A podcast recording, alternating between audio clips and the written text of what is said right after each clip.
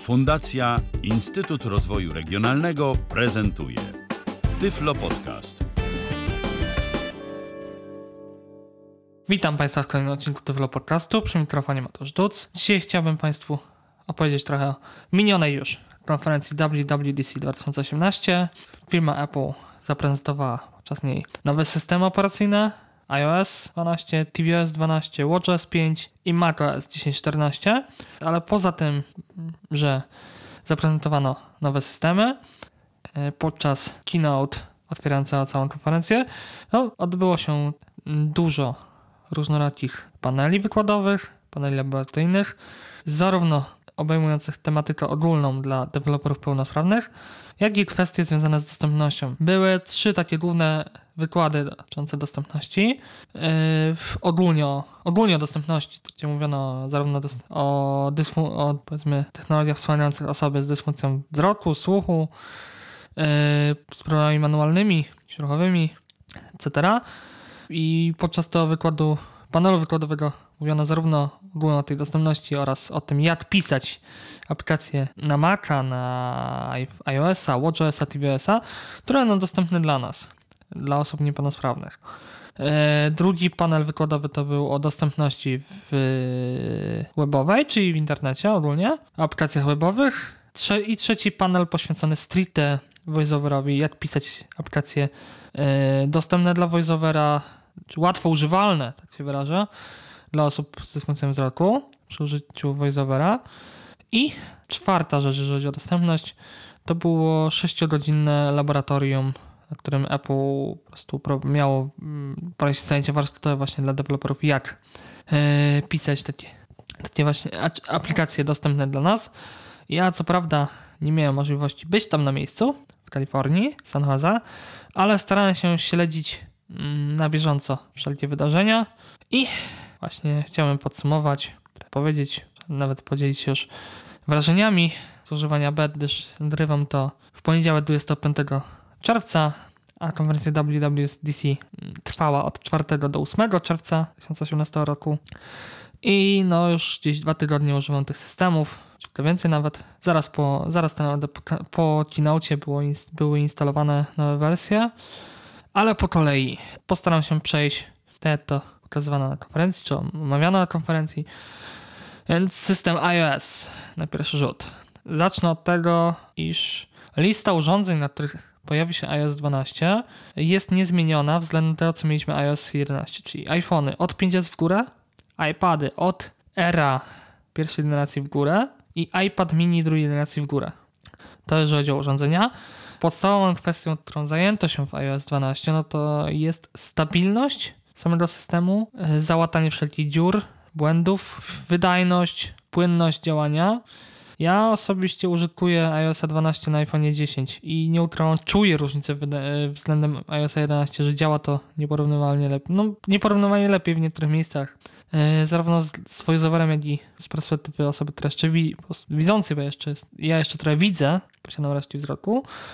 I różnica jest bardzo, ale to bardzo duża.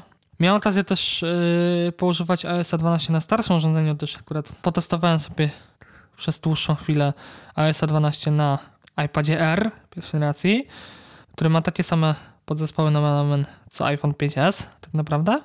Tylko różnica jest w tym, że mamy większy ekran z większą rozdzielczością i działało to bardzo płynnie z VoiceOverem. Jak na tak leciwe urządzenie już no, na dzień dzisiejszy niską wydajnością działało całkiem przyzwoicie, więc no iPhone 5s też powinien działać jeszcze przez ten rok bardzo, bardzo przyzwoicie yy, z voiceoverem i ogólnie mówiąc. Dodam od razu, iż w, w usłu- nie, nie, nie, nie dostaliśmy żadnej nowej funkcjonalności, takiej widocznej z perspektywy użytkownika, jeśli chodzi o voiceovera, Zooma czy inne usługi dostępnościowe.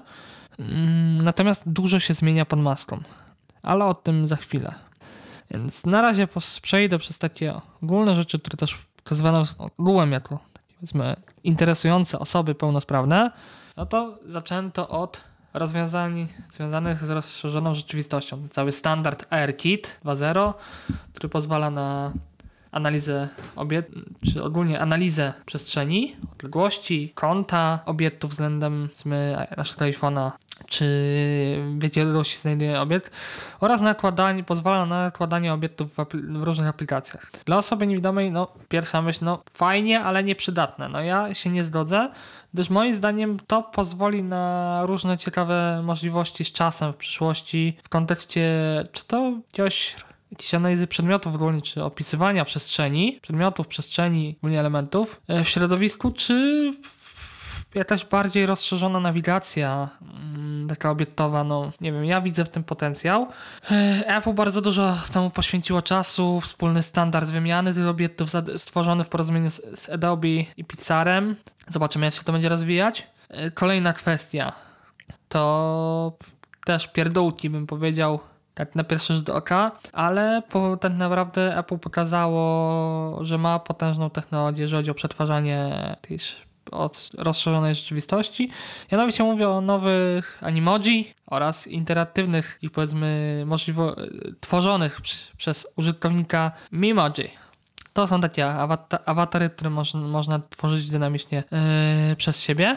Po prostu jak jest to, już są gotowe animoji, to na nie można nakładać różne modyfikacje i wstawiać do zdjęć, nie zdjęć. To, to już są bardziej dla osób widzących. Ale Apple pokazało, że naprawdę z AR-em dużo robi tak samo to wykrywanie języka. Przy czym no te rzeczy, czyli Animoji, Mimoji, to tylko i wyłącznie iPhony, które mają, czy iPhone 10, który ma Face ID, no i iPhony nowe, które się będą pokazywać z Face ID, tą kamerą, która potrafi, potrafi czy jest potrzebna, tak powiedzmy, do Animoji i całej reszty tych pierdółek. Kolejna kwestia, tak już yy, totalnie na marginesie. Yy, wspominam, na pewno zdarza się, że się podróżuje z kimś, z widzącym, tylko wspomnę, że CarPlay dostanie możliwość instalacji aplikacji firm trzecich, jeżeli chodzi o nawigację, jakieś Google Maps, Waze to, to, i tego typu podobne.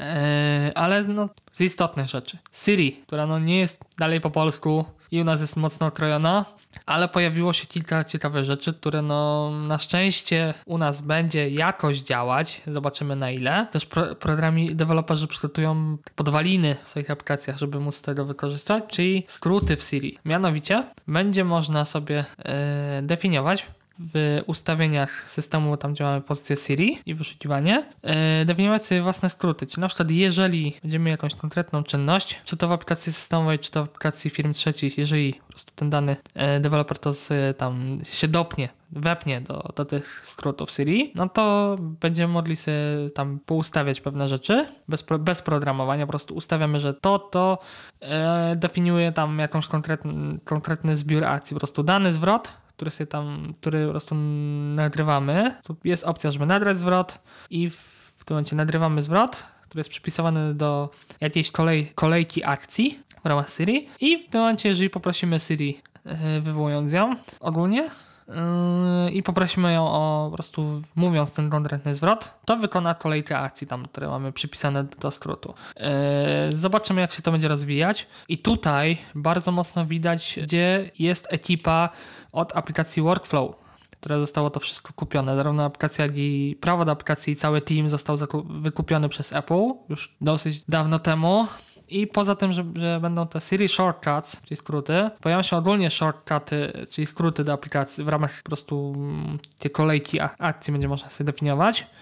I to się pojawi. Aplikacja skróty się pojawi i no moim zdaniem ona zastąpi po prostu workflow, bo no, na screenach wygląda prawie identycznie i będzie można albo właśnie z takich cudzysłowie klocuszków sobie składać kolejki akcji, albo e, sobie oprogramować e, trochę jeszcze dla bardziej zaawansowanych użytkowników, czy to w Pythonie, czy to w AppleScriptie i będzie można wykonywać całą masę różnych akcji, po prostu jednym po wywołaniem, zwrotem, to, Siri albo bezpośrednio po prostu będziemy mieli na tym ekranie widgetów skróty dopina, dopinane będą. I na przykład będzie można powiedzieć Siri tam włącz włącz jakąś, włącz i nazwa stacji radiowej. Wtedy będzie można dopiąć sobie, żeby w tym momencie odpalił nam yy, jakąś konkretną stację w, w Tuning Radio na przykład. To jest jeden z przykładów. Yy, kolejna rzecz, spięcie workflow yy, tam z, innymi, czy przepraszam, skróty, aplikacja skróty, jeszcze, jeszcze niestety workflow siedzi mi w głowie ogólnie i przyzwyczajony jestem ogólnie do tłumaczenia osobom, jeżeli chodzi o jakieś automatyczne rzeczy na bazie workflow, A ten mówię, no skróty, skróty, skróty się pojawią. Yy, I co jeszcze w tym ważne? A, w ramach skrótów myślę, że będzie można jakoś się dopiąć do narzędzia IF, IFTT, też takie automatyzacyjne narzędzia, yy, bądź bezpośrednio do aplikacji związanych z yy, obsługą naszego domu. I tym, jeżeli tak się stanie, na przykład wiem, aplikacja Hue będzie wspierała skróty, czy tam aplikacja Fibaro, Sonfy i tam innych różnych tam twórców, nie wiem, IKEA Tradfree, będzie wspierała te, te skróty, to wtedy prawdopodobnie, bo nie, jest, nie jestem tego pewien, ale tak, tak, tak no przewiduję, będzie dało się obsługiwać yy, nasz smart home przy użyciu Siri bez użycia HomeKita, po prostu poprzez dopin, podopinania sobie tych akcji, tych skrótów w ramach Siri. To są moje przypuszczenia i będę to obserwował, śledził temat, na pewno będę z tym walczył i no i relacjonował Państwu, zdawał, zdawał relacje z tego, jak to wygląda z czasem, gdzie jaki będzie rozwój wydarzeń. Kolejna kwestia, moim zdaniem bardzo, bardzo przydatna, to grupowanie powiadomień w iOSie. Mianowicie, możemy totalnie wyłączyć i dalej nie będziemy mieć grup i po prostu będzie tak było, bez grupowania. E, możemy mieć grupowanie po aplikacji, czyli wtedy wszystkie powiadomienia po prostu lądują w ramach jednej grupy, czyli tam na przykład z Whatsappa ileś powiadomień mamy to jako WhatsApp, Facebook, ale to jest bez rozdziału na jakieś konkretne rzeczy.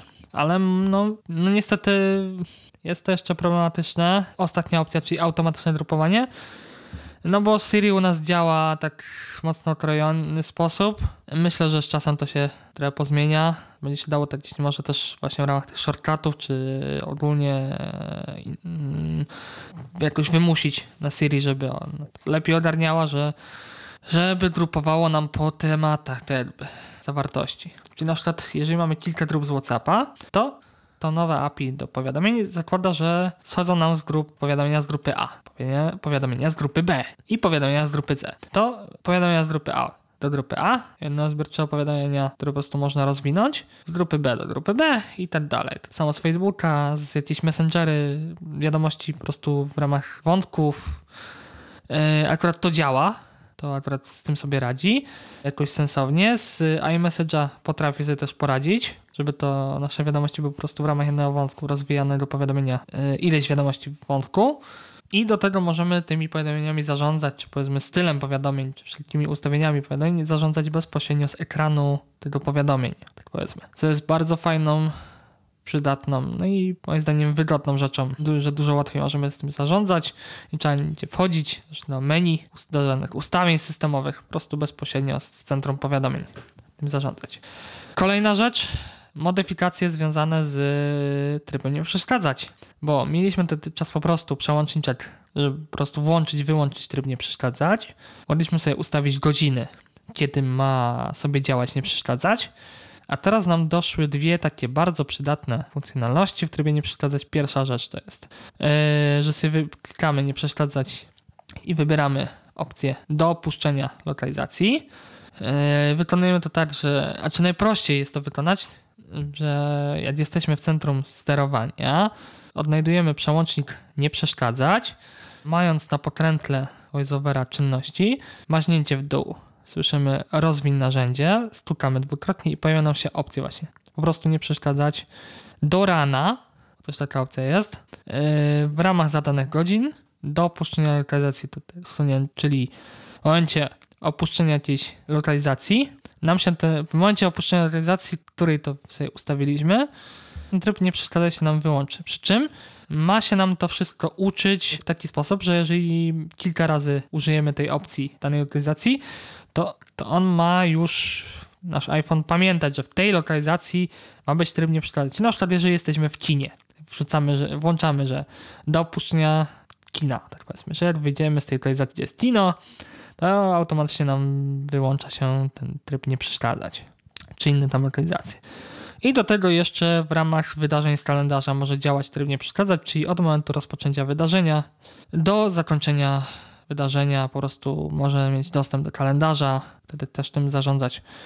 To jest bardzo ciekawa funkcjonalność. Trochę zmian w ustawieniach jeszcze systemu, mianowicie w pozycji bateria. Dużo bardziej szczegółowe informacje, że chodzi o baterię, mamy wytresy, które voiceoverem jesteśmy w stanie odczytać. E, pierwszy wykres mówi o tym, jak wyglądało nasze zużycie baterii tam przez dzień, czy na przykład, że bateria tam od tej do tej godziny się wahała w takim a takim przedziale. Następnie mamy konkretnie informację, ile czasu nasz iPhone pracował na ekranie. Potem jest pozycja, że poza ekranem, czyli ile czasu coś tam się działo nam w tle. I następnie bezpośrednie, moim zdaniem, dużo dokładniejsze informacje na kon konkretnej aplikacji, ile dana aplikacja działała. Fajnie, że Apple dodało więcej tych szczegółów właśnie odnośnie baterii. Kolejna pozycja w ustawieniach to jest cała zakładka, hmm, czyli czas na ekranie. W tej zakładce mamy opcje następujące. Limity aplikacji. Możemy sobie ustawić, że dana aplikacja z danej grupy, czy ogólnie albo grupę zlimitować, albo konkretną aplikację w ramach grupy. Czas działania dzienny. I po tym czasie jest limit. Żeby go wyłączyć, trzeba wpisać PIN albo użyć Touch ID, Face ID. Czy ja wiem, czy to będzie przydatne? Może w przypadku bycia rodzicem, posiadania dzieci tak, bo w tym momencie możemy po prostu ustawić tam limity i dać dziecku urządzenie. Ale działa to też, y, to limitowanie działa też przez chmurę rodzinną. Mm, dzięki czemu, jeżeli mamy kilka tam no to możemy bezpośrednio właśnie limitować w ramach tej chmury rodzinnej. Do tego mamy pozycję właśnie czasu na ekranie już konkretnie, gdzie mamy e, informacje, ile używaliśmy konkretnej aplikacji, tak faktycznie, ile ogólnie iPhone pracował, jakieś tam mm, sesja na włączonym ekranie, ile razy telefon był podniesiony, ile mieliśmy powiadomień, takie duże, duże szczegóły, duża ilość danych dotyczących naszego uży użytkowania iPhone'a, jak długo uży używamy. Jeżeli przyjdzie nam jakiś SMS z kodem weryfikacyjnym, na przykład z banku, żeby na przykład gdzieś w jakiejś aplikacji sobie potwierdzić, czy ogólnie, ogólnie mamy po prostu potwierdzenie w aplikacji bankowej kodem, SMS, to jak on przychodzi, to system już sam sobie go zaciągnie do tej aplikacji. To jest pierwsza rzecz. Druga rzecz, e, Apple pozwoli w nowych systemach iOS macOS na zmianę e, kwestii pod tytułem Manager haseł. Już będzie można naprawdę jest całe API, które pozwala deweloperom na wpinanie się w system i w tym momencie podmienianie użytkownik może po prostu kliknąć zezwolić że już nie korzystamy z pęku kluczy jako ten nasz menedżer haseł, gdzie po prostu przetrzymujemy hasła, tylko na przykład skorzystamy sobie z one passworda i wtedy wszystkie hasła od razu będą um, zamiast na przykład do, po prostu zamiast do pęku kluczy, to po prostu będą sobie lądować w one passwordzie, będą też automatycznie zaczytywane. No, takie udogodnienie. I jeszcze w Safari nowe mechanizmy blokujące wszelkie trackery, jakieś facebookowe, niefacebookowe, tego typu. I to tyle generalnie, jeżeli działa system iOS eee, na ten moment. Kolejny system w kolejce WatchOS. Tutaj nowa aplikacja Watchitoki do szyb... po prostu kom... szybka komunikacja między użytkownikami przy życiu sieci Wi-Fi lub sieci LTE, jeżeli mm, sieci komórkowej w krajach, w których po prostu jest, jest obsługa tego LTE na Apple Watchu i to jest po prostu między, między użytkownikami Apple Watcha, szybkie wiadomości w dobrej jakości, naprawdę dźwięku też testowałem. Zobaczymy, czy to się przyjmie. Mm, przede wszystkim Apple, moim zdaniem Apple, e, Watch OS na Apple Watchu, ja używam Apple Watcha Series 2, bardzo, ale to bardzo mocno przyspieszył i dużo, dużo płynniej działa, dużo szybciej się otwierają aplikacje zarówno systemowe, jak i film trzecich. Mm, moim zdaniem duży, du, duży progres, duża poprawa jakości działania. Kolejna kwestia to pojawiła się aplikacja podcasty jako nowa aplikacja w e, WatchOSie i możemy albo subskrybować podcasty bezpośrednio na Apple Watchu i pobierać je do pamięci lub wiadomo przez sieć, słuchać, albo klonowanie z iPhone'a i wtedy sterujemy tak naprawdę odtwarzaniem z iPhone'a, albo wysyłamy AirPlayem mm, jako z naszego iPhone'a i w tym momencie mamy na jakichś głośnikach, wiadomo. Automatyczne wykrywanie aktywności, typu spacer, typu, nie wiem, bieg, marsze. Sam Apple Watch wykrywa, kiedy mamy marsz, kiedy mamy rower, czy kiedy jeździmy na rowerze, biegniemy. Do tego doszły dwie nowe pozycje w aplikacji trening mm, w systemie, czy w systemie aplikacji trening, wspinaczka i yoga. I to tak naprawdę wszystko w systemie Watch OS. W systemie tvOS naprawdę trzy nowości. Pierwsza nowość to wsparcie dla standardu Dolby Atmos. I jeżeli ktoś miał już jakieś filmy zakupione w ramach iTunesa, iTunes Store'a, to zostaną one skonwertowane, żeby mm, wiadomo, wsparcie dla tego kodeka, Dolby Atmos. I jeżeli ktoś posiada sprzęt wspierający tą technologię, to jak najbardziej będzie mógł korzystać i, i jego materiały po prostu będą skonwertowane do tego formatu. Yy, porozumienie z kablów, co prawda na razie to z trzema kablówkami, ale no już jakiś progres i powiedzmy postęp w stronę kablówek, telewizji ogólnie Apple TV jako to centrum telewizji jest. Apple podpisało umowy z trzema telewizjami kablowymi, jakąś jedną w Stanach, jedną w Szwecji i francuskim Kanal Plusem. Gdzie bezpośrednio po prostu yy, Apple TV służy za nasz, jak powiedzmy w cudzysłowie, dekoder. I jeżeli mamy jakieś subskrypcje, na przykład, nie wiem, mamy Netflixa czy tam HBO Go właśnie um, od, od, od operatora, to wtedy nic nie musimy wpisywać, żadnych haseł. Zero wpisywania haseł. Po prostu podłączamy, i on sam wykrywa wszystko i się konfiguruje. Do tego, jeżeli mieliśmy już zapisane hasła do jakiejś aplikacji, nie wiem, na przykład do Netflixa, YouTube'a, innych w naszym iPhone'ie, po prostu nie wiem, w pęku kluczy, czy teraz właśnie w One Password od iOS 12, no to mm, tvOS będzie pozwalał na szybkie uzupełnianie haseł, po prostu bezpośrednio z, iPhone'a po prostu zaciągał te dane i logowanie będzie automatyczne po prostu yy, do aplikacji to byłoby tyle, jeżeli chodzi o tvOS. Mało zmian. No i wiadomo, stabilność, płynność działania, zero nowości w dostępności. System Mac OS. Tutaj dużo zmian. Oj, bardzo dużo zmian, zarówno pod maską, jak i sporo z wierzchu. Więc pierwsza zmiana, którą moim zdaniem docenią osoby słabowidzące, to jest Dark Mode czyli ciemny tryb interfejsu. Działa on w wielu miejscach, naprawdę wielu, a ma działać w jeszcze, w jeszcze większej liczbie. I jest całe API, które naprawdę Apple dało dostęp do API, bo dało się mieć po części tryb nocny już różne, na różne sposoby w macOSie i deweloperzy już w wielu aplikacjach przygotowali Dark Mode, ciemny tryb interfejsu. Teraz Apple dało dostęp do całego tego API i systemowo to jest wszystko zrealizowane łatwiej dla deweloperów będzie e, tworzyć aplikacje z ciemnym trybem interfejsu. I sam Dark Mode działa w doku, w Finderze, w belce systemowej, w preferencjach systemowych terminalu, Xcode, w, w Safari oczywiście poza zawartością okna, czyli poza witrynami, ale jakieś, nie wiem, menu, rameczki, wszystko jest ciemne. No i moim zdaniem, przynajmniej mi się używa tego dużo, dużo wygodniej.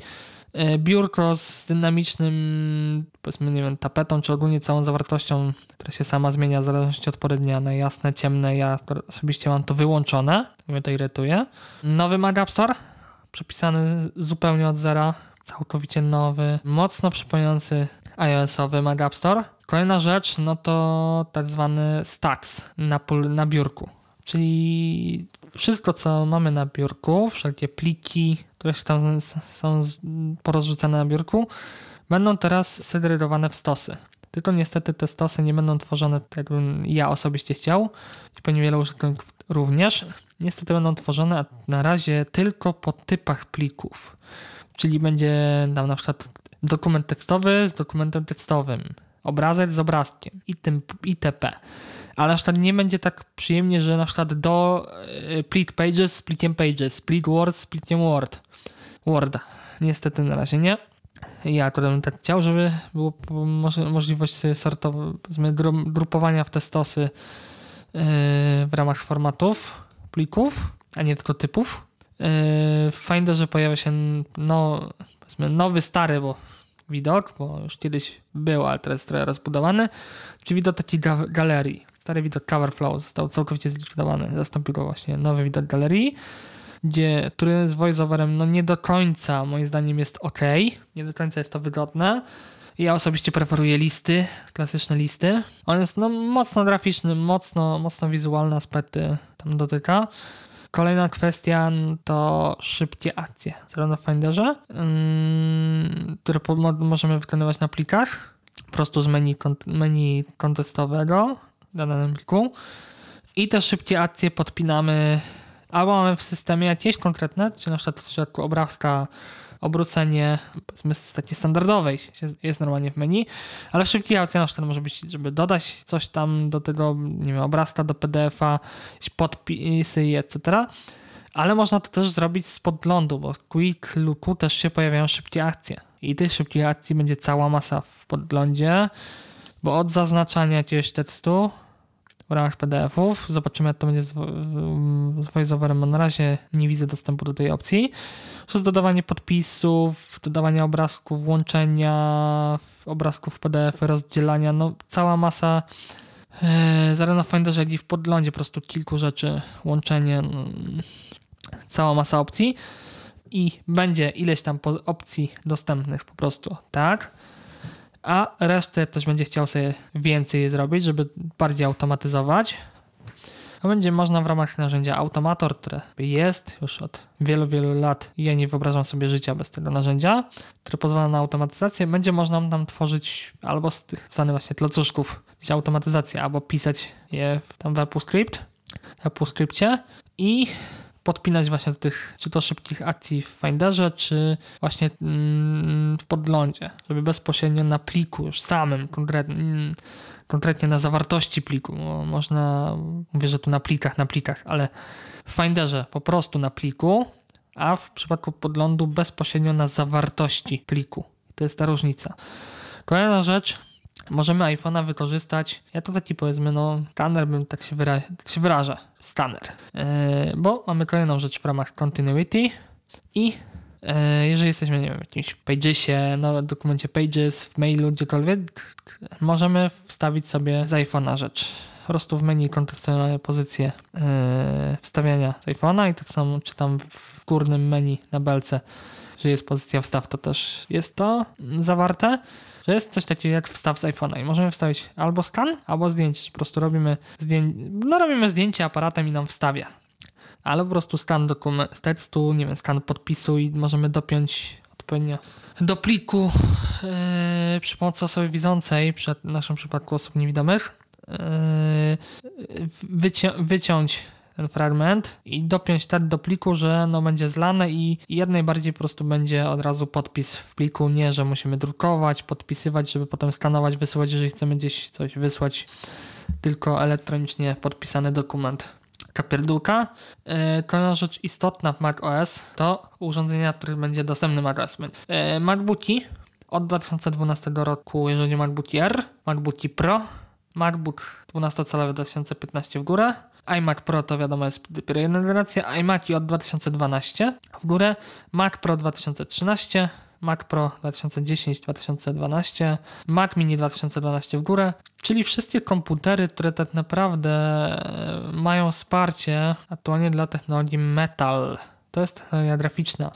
Gdyż Apple odchodzi od, od takich rzeczy, od takich technologii jak OpenGL, OpenCL, to są sposoby wyświetlania graffiti, renderowania graffiti dla mm, różnych rzeczy, dla gier, dla różnych narzędzi takich specyficznych, graficznych, ogólnie do, do składu DTP, nie wiem, czasopism, książek, magazynów i Apple idzie w stronę tej technologii metal. Nie tylko Apple, bo inni producenci też się skłaniają bardziej do, do tej technologii metal. Na przykład mm, Adobe jak najbardziej ma działać ich, ich software dużo wydajniej. To tak jeszcze nawiasem mówiąc, w kontekście właśnie pracy grafików, osób widzących. E, zobaczymy. Ogólnie ja osobiście powiem ze swojej strony, że czuję przyspieszenie w e, tych wszystkich systemach. A teraz jeszcze tak, takich kilka rzeczy wspólnych dla VoiceOvera, nowych pod maską, to sobie pozwoliłem już poza systemami powiedzieć, no to w iOS mm, VoiceOver dostanie, czy programiści będą mogli dopinać do, do czynności na pokrętle ilość, element, czy ilość elementów na pokrętle, czy w ramach, przepraszam, w ramach czynności na pokrętle nie będzie już limitowana, czy tam tych elementów będzie można, mogło być ileś, ile tam programista sobie za, uwidzi. Raz, dwa, nie będą to tylko standardowe e, czynności typu kopiuj, wklej, jakiś tam edytuj, coś tam us, usuń, e, przeciągnij, tylko tam programista będzie mógł naprawdę już dużo, dużo, dużo rzeczy wpiąć. Nawet podpięcia jakichś kolejek ak akcji cały taki automatyczny, no dużo, dużo e, rzeczy w machine learning. Apple ogólnie idzie w machine learning, AR, VR. Pomimo, że to jest rzecz teraz z iOS-a, o której jeszcze powiem, ale ona jest, znaczy powiedzmy, no nie do końca z iOS-a to jest źle powiedziane, ale ogólnie machine learning w zdjęciach. iOS, macOS w sumie też E, chodzi o to, że jest przeszukiwanie zdjęć pod kątem różnych obiektów, typu jakieś, nie wiem, ludzie, czy. Mm, ogólnie, ogólnie przeszukiwanie zdjęć, analiza obiektowa i w zdjęciach pojawi się nam nowa zakładka e, szukaj i będziemy mogli po prostu zdjęcia tam będą kategoryzowane według różnych, będą grupowane w ramach na przykład, nie wiem, ludzie, e, plaża, u, u mnie potworzyło takie elementy, takie grupy, na przykład ludzie, plaża, nie wiem, park. Wtedy w ramach tego E, jeżeli będziemy szukać, po, e, wyszukiwać po tym, e, w tej wyszukiwarce, no to będzie nam po prostu wyświetlać konkretny drop, ale w ramach tych powiązań, na przykład mamy park, mamy grupę park, ale na przykład nigdzie nam nie stworzyło grupy drzewo. Ale na przykład jeżeli zrobimy wyszukiwanie, nie wiem, natura, albo nie wiem, krzak, kwiat, to wyświetli nam zdjęcia z grupy park. Taki no, machine learning, machine learning. I jeszcze co do macOSa istotna rzecz, czyli aplikacje. Apple powiedziało wyraźnie, że nie będzie, nie planuje łączyć, czy nie, nie będzie łączyć iOS i macOS, ale pozwoli na uruchamianie aplikacji z iOS-a na Macu. Będzie to dużo łatwiejsze e, niż się wydaje. Specjalny UIKit, mm, który na iOSie jest wykorzystywany, będzie też na Macu mógł działać nie wszystko, ale bardzo dużo, więc portowanie aplikacji będzie dużo łatwiejsze i ogólnie od, przenoszenie, żeby one działały yy, powiedzmy bardzo zbliżonej formie z iOS na macOS. I mamy już kilka przykładów, bo na Macu pojawiła się aplikacja Voice Memos, czyli dyktafon, który się do, doczekał małego liftnięcia na iOSie i pojawi się na iPadzie. Yy, aplikacja Stops, aplikacja News i aplikacja Home na Macu w końcu jest. I to są aplikacje przeniesione z iOSa, żywcem przeniesione z iOSa na Maca. Więc no, ciekawie się zanosi. Zobaczymy, co z tego wy wyniknie. Ale no, ciekawie się zapowiada ten rok. Zobaczymy, jaki będzie rozwój, w którą stronę Apple pójdzie. Ja jako deweloper popieram w pewnym stopniu możliwość tego uruchamiania aplikacji z iOS na macOS i żeby nie było to łączenie po prostu tych dwóch systemów, ale właśnie możliwość odpalenia iOS, z iOS na Macu rzeczy, bo to będzie lekarstwo na aplikację w w technologii Electron na Maca, która jest niedostępna dla osoby, yy, dla osoby niewidomej. No, zobaczymy, jak to się skończy. Ja ze swojej strony dziękuję i do usłyszenia. Był to Tyflo Podcast. Pierwszy polski podcast dla niewidomych i słabowidzących. Program współfinansowany ze środków Państwowego Funduszu Rehabilitacji Osób Niepełnosprawnych.